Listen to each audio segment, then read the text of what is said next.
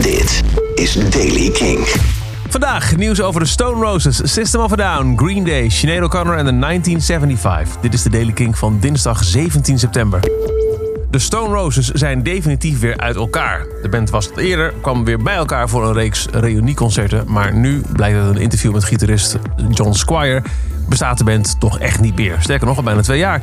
Uh, geruchten dat de band weer uit elkaar zou zijn begonnen eigenlijk al meteen tijdens hun tot nu toe laatste show die ze in 2017 speelden in Glasgow. Daarbij riep zanger Ian Brown dingen als wees niet verdrietig dat het voorbij is, wees blij dat het gebeurd is. Nu heeft de krant The Guardian papieren opgeduikeld van de Government's Companies House, een beetje de Kamer van Koophandel daar. En daaruit blijkt dat het bedrijf achter de band, Second Touring Limited, is geschrapt uit het register en ontbonden op 24 december 2017. The Guardian confronteerde gitarist John Squire hiermee in een interview met de vraag: betekent dit echt het einde van de Stone Roses? Waarop deze eenvoudigweg ja zei. Goed nieuws voor fans van System of a Down. De band is al langere tijd bezig aan nieuw materiaal. Dat, dat, dat duurt lang en dat is nog steeds niet officieel aangekondigd. Maar wat ze wel gaan doen, en dat is toch vaak wel een vaag teken, toeren. De band staat op 25 juni 2020 op een Fins festival, Provincie.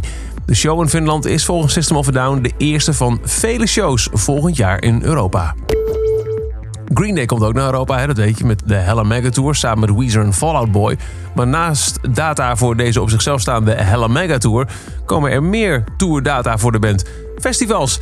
Er zijn er twee toegevoegd. Firenze Rocks in Italië en Rock for People in Tsjechië heeft Green Day volgend jaar op bezoek.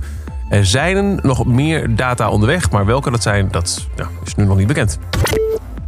Nothing Compares to You was de grootste hit van Sinead O'Connor en wellicht weet je dat wel, dat nummer is geschreven door Prince. Sinead O'Connor heeft Prince slechts één keer ontmoet en zo vertelde ze in een bizar interview met Good Morning Britain niet zo best. We hebben elkaar één keer ontmoet, zei ze, maar dat ging niet erg goed, want we probeerden elkaar te slaan. Toen presentator Piers Morgan daar een beetje geschokt op reageerde, ging ze vervolgens voor. Nee, nou ja, het was eigenlijk meer dat hij mij probeerde in elkaar te slaan en ik mezelf verdedigde. Het zou geen grap zijn, het was zelfs een angstaanjagende ervaring volgens Sinead. Sinead O'Connor, voor alle duidelijkheid, momenteel bezig met een comeback. Moest van Prince een keer naar zijn huis in L.A. komen. Zij voelde zich daar niet prettig. Um, want hij uh, vond het vervelend dat zij alleen maar zijn lied zong, maar zich verder niets liet zeggen. Zo was hij bijvoorbeeld heel erg bezig over dat, dat um, uh, niet moest vloeken in interviews. Maar ja, Ierse mensen vloeken gewoon de hele tijd, zegt Sinead. Het gesprek zou op de hand uit de hand zijn gelopen, waarop Prince haar een klap gaf, naar boven ging en terugkwam met een kussen met iets hards erin. Sinead vertelde: Ik rende zijn huis uit en verstopte me achter een boom.